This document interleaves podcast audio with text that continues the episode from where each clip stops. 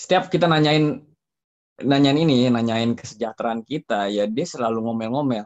Mereka malah si Papi ini malah mena, uh, mempertanyakan di mana nasionalisme kita. Dia selalu ngomong Garuda di dadamu. Emang gue bisa ke toko ya bilang, Mas beli makanan, bayar pakai apa? Garuda dadamu mas. Mana bisa. Welcome to Talk to Talk Podcast. Let's Talk Now bersama gue Andri dan gue kedatangan seorang guest. Ini kedatangan kedua kalinya di Talk to Talk Podcast. The one and only jagoan MMA kita, Rudy Agustian, the Golden Boy. Apa kabar bro? Ya, baik bro Andri. Asik. Sehat-sehat ya bro ya? Sehat, sehat. sehat. Tempat sasana lu juga udah buka, udah rame lagi setelah ini ya. Benar setelah kemarin ppkm tanpa ini tanpa henti tanpa ya nggak tahu lah kapan tanpa, berakhir tanpa cuan bro. Iya tanpa cuan juga bener. Gokil sih. Ya tapi ini ya udah gue sih lihat sekarang Jakarta dan kota-kota lain udah mulai normal lagi ya udah mulai macet udah mulai udah rame udah rame yeah, banget iya yeah, udah macet udah ya udah hmm. udah pada vaksin juga lah bagus lah tapi anyway hari ini gue nggak mau bahas tentang ppkm dan macetnya Jakarta tapi kita iya. pengen yeah. ngobrol tentang Rudy ini lagi ngoceh-ngoceh lagi marah-marah nih belakangan ini nih di Instagram media terutama. ya. Jadi kalau yang ngikutin PON, PON di Papua ya, ada pertandingan hmm. Muay Thai di semifinal putranya ada sebuah kejadian di semifinal eh, di mana mestinya tim dari Kaltim yang menang tapi tiba-tiba entah bagaimana keputusan berubah tim dari DKI yang dimenangkan oleh ini ya panitia pertandingan tapi akhirnya tim Kaltim ya. protes dan akhirnya setelah kalau nggak salah lewat sidang juga ya bro ya Iya. Ya lewat sidang juga akhirnya tim Kaltim yang diputuskan untuk maju ke final. Ya, hmm. gua sih sempat lihat videonya nih bro, tapi ya karena video juga video amatir, ya gue sempat lihat juga orang itu jatuh tiga kali ya, tapi kan gue nggak gitu jelas ya. Mungkin lu yang lebih paham nih bro. Sebenarnya what's happening sih bro di situ? Sebenarnya kalau kita lihat di video nih bro, hmm seorang fighter udah jatuh tiga kali dalam satu ronde itu udah TKO, udah nggak boleh lanjutin, udah kalah. Uh, itu udah yeah. fix di mana-mana. Uh seperti itu. Uh Nah, tapi di sini malah dilanjutin. Dan kita bisa lihat tuh dari wasit itu udah ngelindungin. Lu bisa lihat aja cara dia menghitung itu udah lama banget. Cara hitungnya udah lama nah. banget. Yang harusnya satu. Harusnya itu hitung tuh satu sampai delapan. Satu, dua, tiga ini dia kayak nungguin dulu sampai dia mulai bangun beneran baru dihitung hmm. lalu hitungnya lama banget tuh satu ya dua hmm. aduh lama banget hmm. Hmm. itu eight ya? count dilambatin hmm. lalu kan udah dikasih aba-aba juga udah nggak bisa lanjutin tuh pas dijatuh ke tali ngelantung di tali kan hmm. hmm, hmm. gue gue lihat ya itu itu udah kalah hmm. jadi Dan intinya memang match ya, sudah berakhir ya, hmm. udah nggak perlu dilanjutin lagi kan. berakhir. kan. Tapi yang gue baca di berita, ini kalau yang mau cari berita sebenarnya di beberapa media mainstream tuh ada salah satu di CNN yang gue baca kronologinya. Dia minta si ini ya, si anak papi ini nih, kita sebutnya anak papi hmm. aja ya. Si anak papi ini minta supaya rondenya dilanjutin lagi. Ronde 2 dan ronde 3. Karena dia merasa ya. masih bisa. Dan gue sempat lihat dia juga ya. dari timnya dia pelatih sebenarnya udah lempar anduk ya. Iya, betul. Ada di video kan? Nah, ada di video. Eh, temen, emang bisa bro? Minta dilanjutin lagi. Kalau bapaknya yang punya acara ya bisa bro. Kayak oh, gitu. Oke, okay. bapaknya yang punya acara bisa aja. Atau mungkin dia iya. berpikir ini kali kayak di film-film karena nama dia juga nama-nama anime kan kayak di anime kali di film Naruto gitu. Wah, iya, gue belum mati ya. Gue belum mati nih. Gue harus pantang menyerah nih. Gue harus maju lagi nih. Mungkin dia merasa kayak gitu yeah, kali. Seperti itulah. Jadi ya mungkin itu bedanya atlet yang melalui proses dan atlet yang dapat privilege bedanya gitu. Tapi... Iya dong. Jadi ya kayak anak mami gimana sih? Iya. Nggak mau terima ya kan? Hmm, hmm. Aduh, tapi gimana bro ya? Gue ngeliatnya gini loh. Lu kan udah ini kan di zaman di mana orang tuh sosial media semua orang tuh punya kamera ya di handphonenya ya bisa ngerekam bisa yeah. foto ya kan maksudnya bukti itu gampang banget didapetin kan Beda lah kalau mungkin hmm. zaman dulu di mana orang untuk punya kamera aja susah ya. Nah, tapi oh. dengan mereka berbuat seperti ini nih, sebenarnya kan jadi konyol banget kan, lu jadi bahan celaan kan. Dan yang gue bingung adalah kok kayak yang nggak merasa salah, kayak yang nggak merasa malu sebenarnya yang lebih penting lagi, lu kayak nggak ada malunya gitu, di malah masih dipamerin lagi medalinya. Ya walaupun nggak bukan medali emas ya. Iya. Gimana ya bro? Aduh. Mungkin penonton di sini belum tahu ya siapa sosok ayahnya ini uh, gua sih uh, ini ya, gue sempet cari-cari untuk uh, sosok ayahnya. Tapi memang secara informasi, secara garis besarnya, gue gue kurang tahu sih. Mungkin lu kan gini, uh, buat yang dengerin podcast kali kali ini, Rudy ini dulu sebelum dia aktif di MMA, dia juga awalnya lu emang berawal dari Muay Thai ya bro ya? Muay Thai. Iya dari dari Muay Thai. Nah mungkin lu yang lebih tahu nih, karena kan lu juga pernah ikut pelatnas segala macam kan. Nah mungkin teman-teman belum tahu kalau kenapa bisa dimenangin si anak papi ini ya karena papinya adalah salah seorang bukan salah seorang emang cuman dia ketuanya di Muay hmm. Thai. Hmm. Nah, terus menurut gue ini adalah suatu gimana ya blunder sih buat mereka, di mana mereka mengharapkan medali tapi malah jadi blunder. Dan ini ada yang rekam. Kita bisa lihat begitu fight udah disudahi oleh wasit, ada yang datang dari arah panitia kan, hmm. dia berbicara dan disuruh lanjutin lanjut lagi hmm. nah ini blunder buat buat mereka menurut gua hmm. dan sosok ayahnya ini emang gimana ya udah udah udah bikin gua kecewa bikin gua kecewa karena tidak bisa membesarkan Muay Thai yang gue cintai ini. Hmm. Gue dulu juga kan atlet dia. Gue atlet pertamanya Muay Thai Indonesia lah. Hmm. Nah di situ kita dikecewain bro kecewain hmm. kita diterlantarkan di Thailand hmm. pokoknya udah kayak gembel dah atlet Indonesia tuh udah kayak gembel banget mau belanja aja nggak bisa mau beli baju nggak bisa bahkan mau nyuci baju ya kita nggak bisa bro kita tinggal tuh di bedeng bedeng-bedeng kayak triplek rumah triplek gitu hmm. di pinggir kali lu bisa bayangin kita tinggal dekat pinggir kali kalau malam itu serangganya parah banget hmm. pinggir kali bro Maksudnya bedeng kita dikasih makan cuman sup tulang ayam. Sup tulang ayam. Oke. Jadi sup di dalamnya ada tulang ayam. Gitu doang. Iya, iya. Karena gue tanya dong ke pelatih sama ke yang punya gym, kok makanannya begini sih? Hmm. Kita belum dikirimin duit sama Indonesia, kita juga nggak ada duit. Tadi gitu. Hmm. Nah, maksud gue kenapa lu bisa-bisanya memaksakan diri kita ke luar negeri, hmm. sedangkan dana nggak ada? Nah, Dan, dia mau ngincar apa? Dia mau pengen hmm. Mungkin menarik hati orang Koni atau gimana? Hmm. Ada program apa? Dan dia minta mungkin minta dana ya kan? Hmm. Kita ke Thailand, dia ngajuin dana. Ya kan, nu buktinya atlet kita dari Thailand. Nah, hmm. Nah, tapi duitnya belum ada dan kita jadi korban, jadi hmm. tumbal hmm. gitu. Hmm. Atau mungkin sebenarnya duitnya udah ada. Bisa jadi. Hmm. Hmm. Kita nggak tahu ya kan. Iya. Hmm. Tapi itu literally bener-bener bedeng. Maksudnya gini kan, bedeng itu kan ya bro, rum, dibilang kayak gubuk pun juga enggak kan?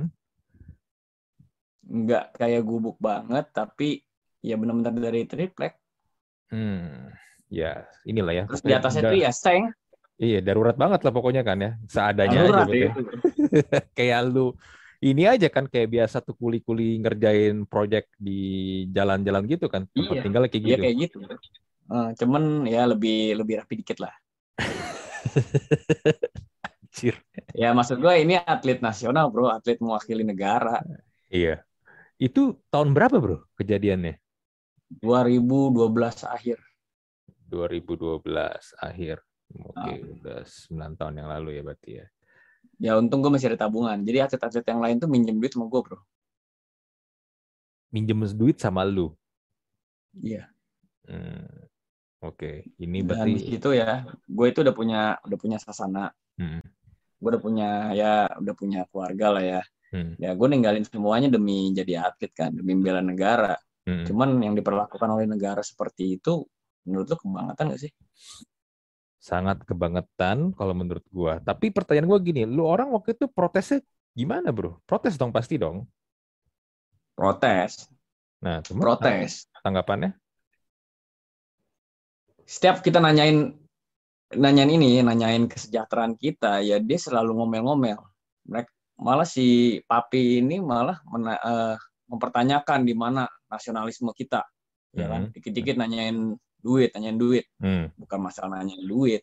Kita juga latihan kalau mikirin, duh kita digaji apa enggak sih? Ya kan? Kita hmm. ini dibayar apa enggak? Duit hmm. gua aman enggak? Hmm. Itu latihan juga beda, Bro. Satu, yang dia mesti tahu ya, dia mesti hmm. belajar. Hmm. Itu. Lalu kedua, bukannya masalah nggak nasionalis ya kita mau beli makan nggak ada duit. Mau beli baju nggak ada duit. Hmm. itu kedua. Hmm. tiga dia selalu ngomong Garuda di dadamu.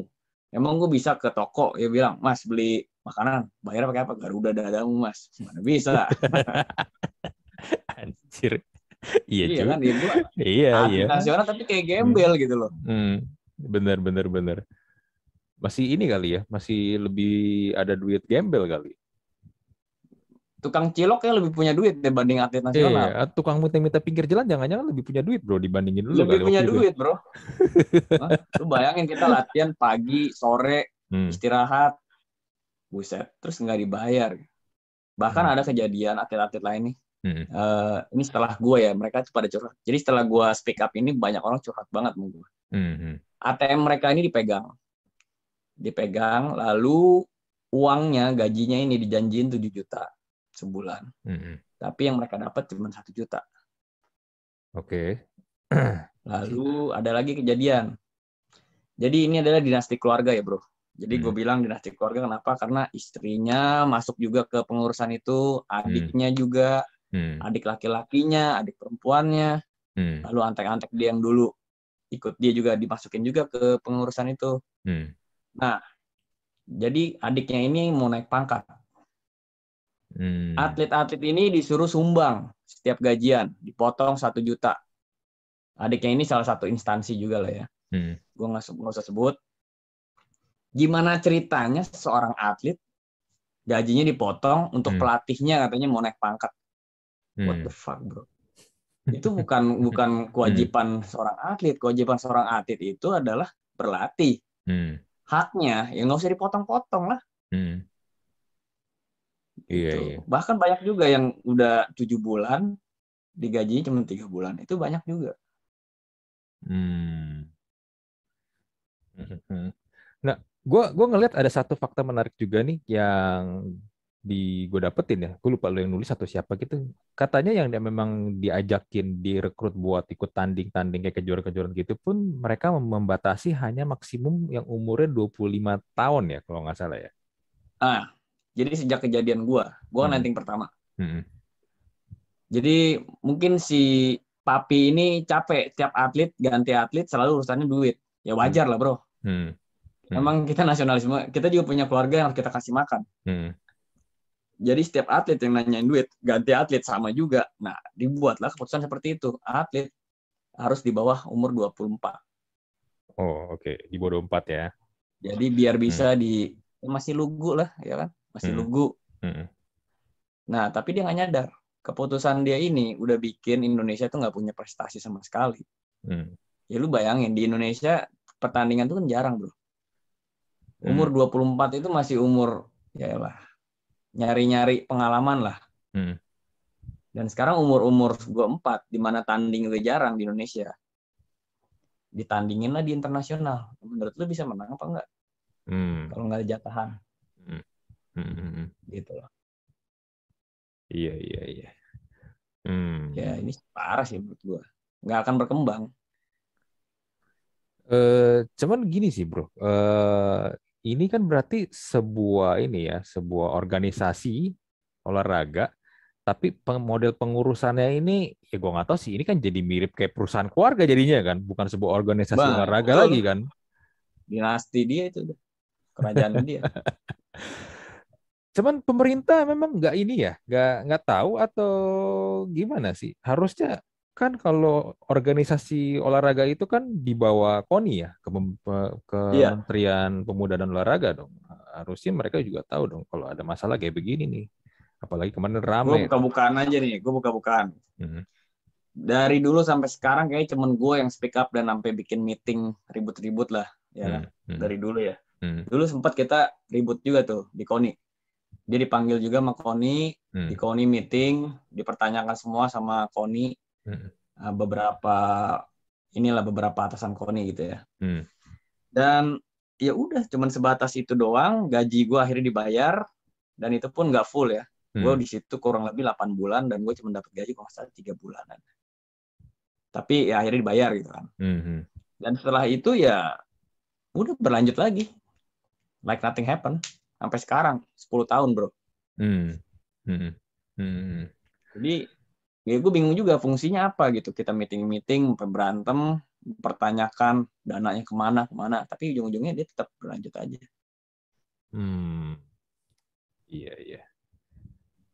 Ya, gimana ya bro? Kalau lihat ya begini, kemarin pun juga ada satu peristiwa juga yang miris, yang juara, yang mendapat medali emas juga, sama juga Muay Thai dari NTT itu hmm. pulang ke NTT dijemputnya pakai pickup kan, mobil pickup loh. Yeah. Dan dia duduknya nah, bukan di gua... depan, tapi duduknya di bak di belakang. Anjir. Gue udah tanyain langsung itu, gue tanya. Hmm. Itu hmm. mau gue usut juga tadinya. Hmm. Gue mau usut, tapi ternyata kata dia itu miskomunikasi katanya itu dijemput dulu sama temennya hmm. baru disiapin sama uh, pengurus koninya hmm. di NTT gitu hmm. tapi kenapa pakai pickup bro kan maksudnya kita punya pilihan mobil lain dong. At least ya nggak usah bagus-bagus lah. Ya kayak merek-merek ini kan yang LCGC gitu setidaknya jauh yeah. lebih manusiawi kan dibandingkan lu duduk di bak di mobil pickup lu abis dapat medali emas pula lagi buat provinsi lu. Gue juga gak ngerti itu kenapa bisa kejadian seperti itu. Aneh sih. Jadi gini bro. Uh, uh, waktu dulu gue speak up speak up hmm. atlet-atlet juga uh, ngomong sama gue curhat yang kita hmm. sering curhat tuh hmm. ini kita gimana kita seperti ini ya kan kita cerita itu kita ada meeting tuh di mall sembunyi-sembunyi ya kan hmm kita meeting di mall dan itu waktu itu musik game hmm. gue bilang ke mereka kalau kita pengen pengen ancam mereka ini saat yang tepat karena ini udah musik game hmm. jadi mereka ini udah sering curhat banget lah curhat curhat curhat akhirnya gue bilang ya udahlah kita nggak bisa curhat doang kita hmm. mesti bertindak hmm. setelah meeting dari mall itu akhirnya kita ngomong deh tuh di meeting di kepengurusan hmm. ya kan semua dikumpulin dan akhirnya dia marah-marah deh tuh masalah duit lagi ya kan setiap hmm. kita tagih marah-marah hmm. terus uh, dia menanyakan uh, dia bentak-bentak ngasih ngasih harapan-harapan juga ke atlet ditanyalah sama dia udah siapa yang mau keluar keluar sekarang angkat tangan hmm. gue udah perjanjian dong mati atlet dong kita akan keluar kan hmm. gue angkat tangan dong pelatih juga angkat tangan atlet-atletnya kampret juga sih gue pikir gampang dibodohi sih Hmm. Gara-gara dikasih harapan palsu, dibentak-bentak, digebrak, nggak ada yang berani bro. Akhirnya cuman gue doang, kampret gitu. gue jadi nggak ikut si game. yang lain jadi ikut. Jangan jadi ikut, lu nggak jadi ikut. gue jadi nggak ikut, mereka nggak berani jadinya. Aduh, kata gue kok begini amat atlet-atlet Indonesia ya. Hmm. Ini jangan cuma berani ngomong di belakang doang, bagian udah di depan orang ya. Hmm. Lu nggak berani angkat tangan, akhirnya gue doang sama pelatih. Hmm lu bisa bayangin enggak yeah. emang gue penyukurin ah lu emang pada goblok gitu gampang dibodohi banget sih udah hmm. urusan lu pada dah hmm. hmm. akhirnya bener kan komplain lagi. Dan mereka nggak bisa melakukan apa-apa cuma bisa komplain gitu loh. Iya. Gue udah kasih solusi pedal bro. Sebelum si game kita keluar semua. Pusing nggak hmm. tuh dia? Pusing hmm. lah. Hmm. benar benar benar. aja. Mungkin ini juga nggak sih bro? Uh, gue nggak tahu ya kalau lu mungkin kalau yang gue lihat lu mungkin ketika lu keluar pun lu mungkin masih bisa putar otak atau lu mungkin udah punya backup ya at least gue jadi atlet muay thai udah nggak ada gue masih bisa dapet yang lain nih gue bisa cari kegiatan lain juga nih tapi mungkin hmm. buat yang teman-teman atlet tuh yang lain mereka ini bro udah nggak punya apa-apa lagi. Jadi kalau mereka misalnya sampai out dan ternyata mereka udah nggak bisa lanjut lagi nih jadi atlet Muay Thai profesional, mereka nggak tahu mesti ngapain bro. Ada skenario kayak gitu juga. Ini bro, ini ini adalah pemikiran yang mesti kita rubah. Hmm. Kenapa? Itu kelah kenapa atlet-atlet Indonesia yang udah berprestasi hmm. setelah nggak jadi atlet, dia nggak bisa melakukan apa pun. Nah ini adalah PR pemerintah juga menurut gue. Hmm ini adalah PR Koni. Gimana mendidik atlet itu biar mandiri. Setelahnya gimana mungkin dapat uh, eh, PNS, mungkin dia mendidik dengan uh, ilmu-ilmu lain sehingga dia bisa mandiri. Hmm. Nah ini dia atlet kita ini terlalu polos. Jadi kalau hmm. udah jadi atlet atlet aja begitu nggak bisa nggak bisa dipakai udah hmm. dia nyerah. Hmm. Dan saat ini kasus lagi rame ada pemain bola bekas pemain bola timnas hmm. U berapa ya dua tiga apa sembilan belas hmm. itu lagi kesulitan dana juga bro. Hmm. Dan dia gue juga nanya ke dia lu kerjanya apa serabutan. Wow. Padahal waktu jadi pemain bola dia sukses. Sekarang dia udah nggak main bola dia cedera. Ya udah stuck di situ aja. Hmm dan ini PR pemerintah bro. Atlet-atlet setelahnya mau jadi apa? Hmm, benar. Yeah. Mentalnya itu masih mental seperti itu bro. Hmm. Tapi memang gue kenyataan... udah cuek. Gue mau beralih, gue beralih profesi yeah. ya kan. Hmm. Tapi memang kenyataannya kan memang banyak mantan atlet yang terkenal yang dulunya berprestasi akhirnya setelah nggak jadi atlet kan memang ini bro pada jatuh miskin kan sampai jual medali lah. Yang itu dia. paling miris kan waktu itu pas kejadiannya Alice Pikal kan jadi satpam. Ya terus ketangkep ketangkep gara-gara bawa ini narkoba. Mm -mm. Ya, itulah PR pemerintah, Bro. Gimana Kemenpora menanggapinya? Ya, jangan cuman meres tenaga atlet setelah atlet nggak jadi atlet nggak bela negara, udah bodo amat. Mm -mm. Bener. Sedangkan kalau di luar lu bisa jadi juara, lu ini ya lu setidaknya hidup lu terjamin lah sampai inilah ya, sampai lu tua kan karena yeah. lu udah lu udah membawa harum nama negara nih lu udah punya prestasi nih negara nama, nama negara jadi jadi masuk ke berita internasional karena lu gitu lu lu punya jasa yeah. di situ hmm. ya tapi kalau misalnya kayak gitu bro gua aja dulu mau jadi atlet pun nggak jadi ya karena ya gue nggak bisa menyalahkan orang tua gue juga ya. Ya orang tua gue bilang kalau jadi atlet, apalagi zaman kita bro ya, tahun 90-an kita kan hmm. sekolah. Ya. jadi atlet, mau makan apa sih? Itu bener loh.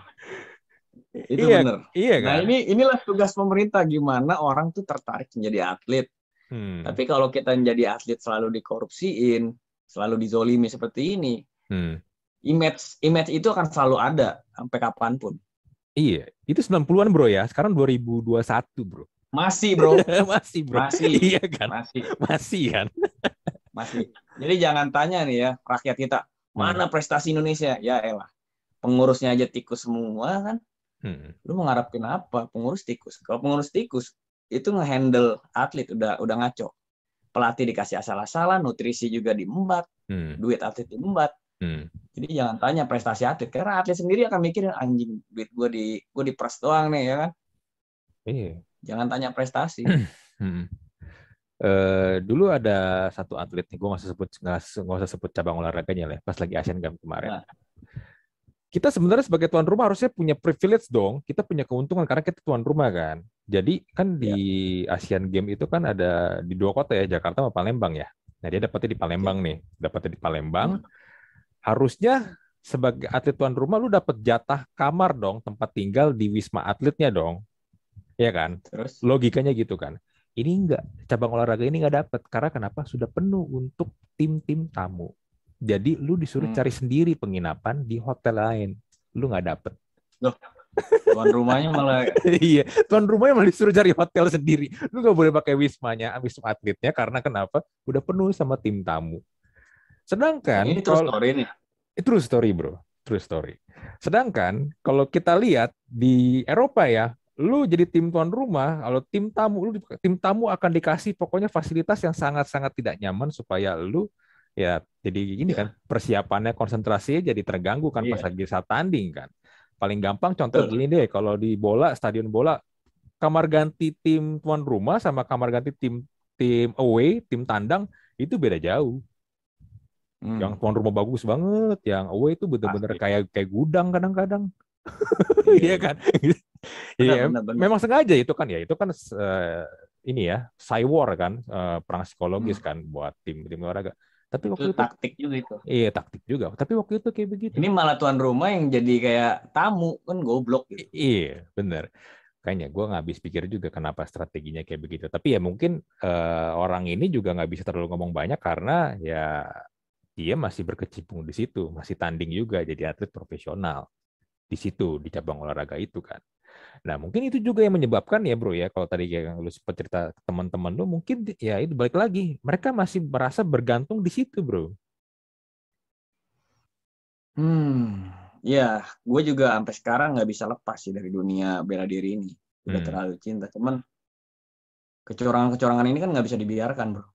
Masih hmm. banyak cara lagi lah. Kalau gue nggak bisa jadi atlet nasional ya udah Ya sekarang kita mikir gini, gue aja yang dari bedeng tuh ya hmm, korban hmm. bedeng, hmm. gue bisa jadi juara Muay Thai, gue bisa jadi juara hmm. Porda juga Sanso, bisa jadi juara MMA juga.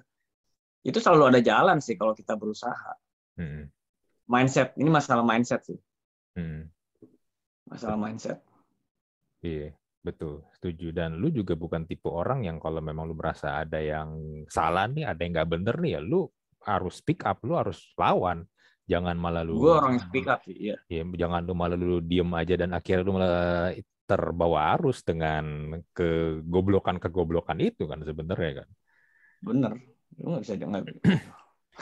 Iya kalau ada yang ngaco ya kita mesti speak up lah hmm. apalagi ini di zaman sosmed semua orang kan tahu hmm.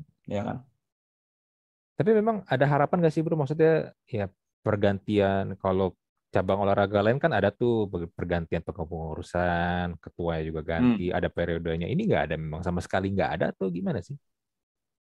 Ya, kebetulan setelah gue speak up ini, hmm. langsung mereka tuh jadi berani juga untuk melakukan munas musyawarah nasional untuk mengganti ketua. Oke, ada rencana buat munas nih jadinya nih? Iya, udah ada rencana. Hmm, tapi kapan belum tahu? Hmm, belum lama sih mereka pada zoom meeting.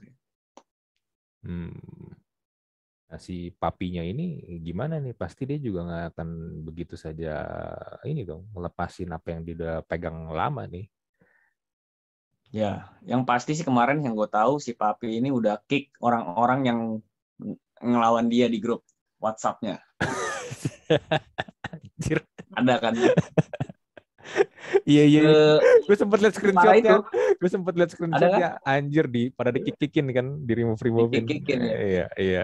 Kan di di tabloid tabloid kayak IG IG bola tuh dituliskan, wah hmm, hmm. anaknya si anak papi ini hmm. udah di bola berprestasi, hmm. nyata di jago bela diri berprestasi juga gitu. Hmm. Hmm.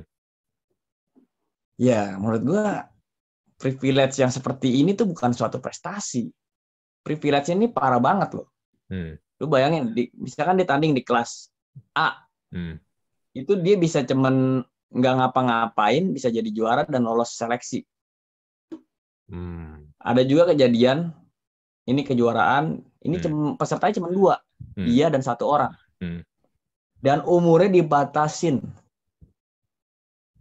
parah gak lo 17 umurnya dibatasin 17 itu cuma demi memenangkan si anak papi hmm ya jadi kayak formalitas doang dong kayak gitu mah.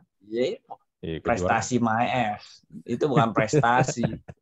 kejuaraan yang diada-adain doang. Dia ngadain sendiri. Dia ngatur iya. sendiri. Iya. Benar. Ya, ini bukan enggak bukan sportivitas. Mana nilai sportivitasnya? Hmm. Benar, benar. Sayang, sayang bro. Atlet-atlet yang bertalenta tuh jadi sayang. Hmm. Jadi muak mereka. Jadi nggak mau ikut. Ya karena inilah peminat atlet ini jadi dikit nih karena orang-orang seperti ini. Uh, tapi gue sampai sekarang masih bingung ya. Gue nggak tahu bagaimana ini ya.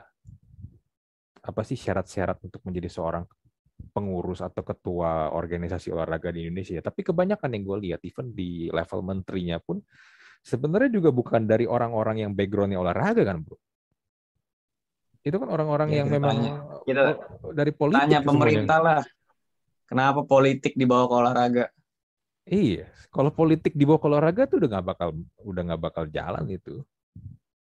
Coba aja lihat menteri-menteri dari dulu. Roy Suryo bisa jadi menteri olahraga. Gila iya, Roy Suryo menteri olahraga. Udah gitu lagu Indonesia Raya salah lagi. ya, elah, Roy Suryo. Terus Imam Nawawi ya kan kena korupsi iya, juga. Iya. Ya, rata-rata gitu lah, Bro. Kayaknya misalnya yang jadi menteri olahraga lu gitu kayak yang dari olahraga ya, ya kan ada Derai ya gue setuju tuh kalau orang-orang nah. kayak gitu tuh yang jadi menteri olahraga tuh kan dulu di podcastnya Deddy Kobusier dipertanyakan juga tuh kenapa orang-orang yang di pengurusnya itu bukan orang olahraga gitu. Hmm. Iya, sama iya, dia mempertanyakan juga waktu itu Taufik Hidayat kalau Iya iya iya sama sama Taufik Hidayat. Teman Taufik Hidayat itu juga Taufik bilang juga karena kan? karena ada kepemudaannya juga di situ yang rada susah jadinya. Pemudaan. Iya. iya, iya. Kepemudaannya itu berujungnya nanti ya ke itu bro buat suara nanti partai pas pemilu berikutnya. Jadi olahraganya di olahraganya nomor dua kan kepemudaan dan olahraga kan menpora kan. Iya. Kemarin gue sempat menyoroti menpora. Hmm. Menpora kau ngurusin wirausaha atau gue itu udah bukan pemuda dan olahraga. Iya.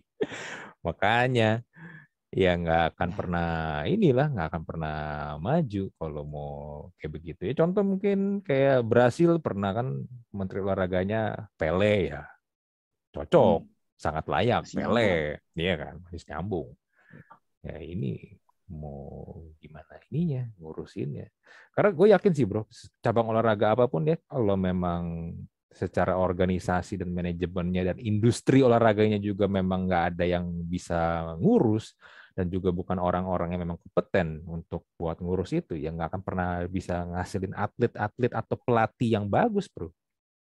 Itu kan yeah. lahir karena ada sebuah sistem kan. Yeah. Nggak ada yang tiba-tiba bakat alam jatuh dari langit terus tiba-tiba dia jadi hebat kan. Nah, gue mau ngasih tahu aja ke calon pengurus atau pengurus yang lagi nonton nih. Kalau mau jadi pengurus, ya bagusnya sih dari orang yang praktisi Hmm. minimal orang lapangan yang bisa ngelihat oh atlet itu seperti ini atlet hmm. itu butuh A butuh B butuh pelatih butuh tim hmm. jangan orang bisnis atau orang yang nggak berhubungan bisa jadi pengurus itu udah ngaco karena dia nggak ngerti apa apa tentang olahraga dia nggak ngerti apa apa tentang atlet menurut gua pemerintah ini PR banget hmm. carilah pengurus yang benar-benar kompeten gitu kalau enggak hmm. ya begini mulu hasilnya sekarang prestasi di Indonesia apa bulu tangkis doang palingan hmm. apalagi Benar. Ya ada lah dikit lah ya kan kayak silat. Ya, silat dari Indonesia juga, tuan hmm. rumah kita, yang hmm. kita. Ya olahraga yang lain lah. Benar, benar, benar. Ada. Nah kalau lu misalnya harusnya, ditawarin, ditawarin jadi, jadi kepengurusan Muay Thai, sikat gak bro? Gue sikat mau gue. Sikat nih? Gue sikat. Karena satu ya, hmm.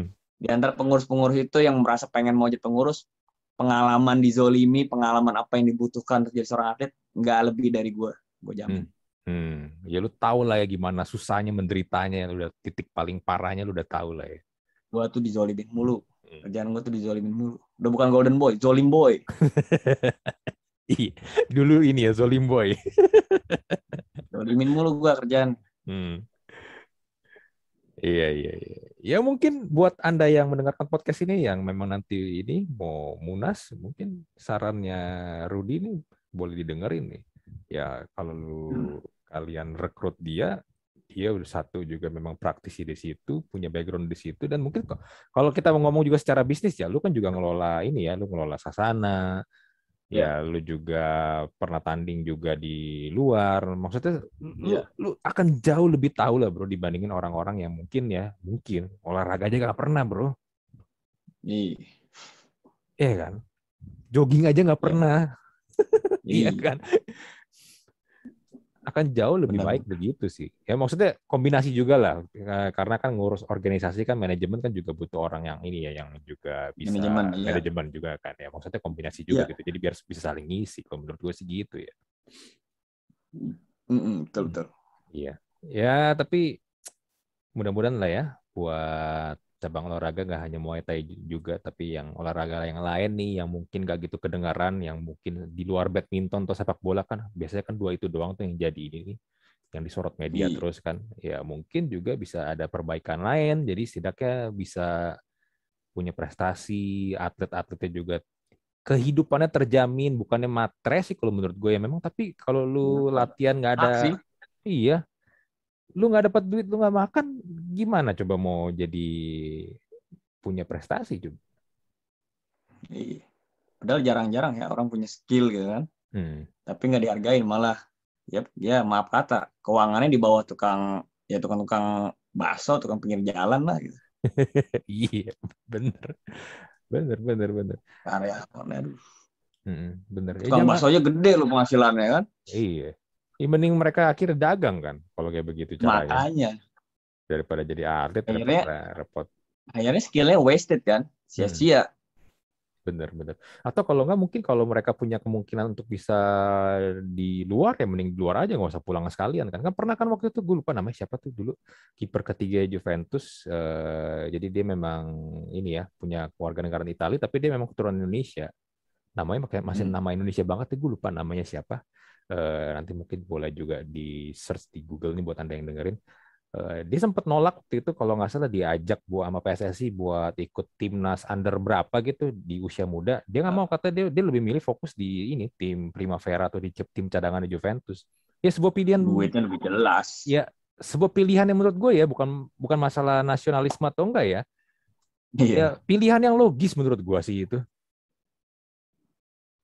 pilihan, pilihan yang logis saat negara lu nggak bisa memberikan lu masa depan hmm. baiknya pergi iya bukan yang nggak nasionalisme hmm. ya masalahnya korbannya udah banyak hmm. jelas betul belajar dari yang udah ngalamin gitu bro hmm. bener ya, itu pinter itu smart move sih menurut gue iya walaupun waktu itu dia dituduh itu nggak nasionalis Nah, dulu setan lah omongan orang zaman sekarang. Hidup lu nggak nggak hidup dari omongan orang kok. Ya. I iya, benar benar benar. Ya, mudah-mudahan lah ya bro ya dari kejadian ini Muay Thai di Indonesia ada perbaikan, ada perubahan lah bro ya. Perubahan juga perubahan yang baik ya, ya. jangan yang begitu-begitu lagi ya bro ya. Dan gue rasa sih, gue rasa sih dari kita rekaman kali ini kalau ma masih belum ada perubahan berarti, gue yakin lu bakal speak up terus sih. Terus lah, tahu gue lah. iya, apalagi sebenarnya kan lu juga ini ya, secara ini kan lu juga udah di luar nya mereka kan di Muay Thai kan kecuali ya. nanti kalau lu memang akhirnya mereka mau reformasi habis-habisan nih lu diajak membuat sebuah perubahan mungkin itu lain cerita kali ya untuk lu masuk hmm. ke situ lagi gitu. Ya. Mm -mm. Ya, oke okay deh bro. Gua nggak mau ganggu lu lama-lama karena lu tadi bilang lu mau ada janji kan habis ini. Siap bro. Tapi thank you banget lu buat sharing lu bro. udah cerita siap, siap. ya lumayan banyak ternyata hal-hal yang kita nggak tahu dan lu akhirnya ngomong juga di podcast Talk to Talk. Hmm. Hmm. Ya udah bro, kita tutup lah bro ya daripada nanti kita ngomong yang lebih aneh-aneh lagi. Nah, thank you banget ya bro. Thank you ya. Thank you lu buat waktunya ya, lu bro. Semoga orang-orang juga bisa ngeliat lah ternyata dunia olahraga ini seperti ini gitu. Iya, benar. Butuh ini ya, banyak pekerjaan rumah banget lah ya sebenarnya buat pekerjaan rumah banget. banget. Hmm. Siap. Oke. Oke lah kita close lah ya. Gua Andri dan Rudy ya, Agustian The Golden Boy mohon pamit kita jumpa lagi di Talk to Talk podcast berikutnya. Bye.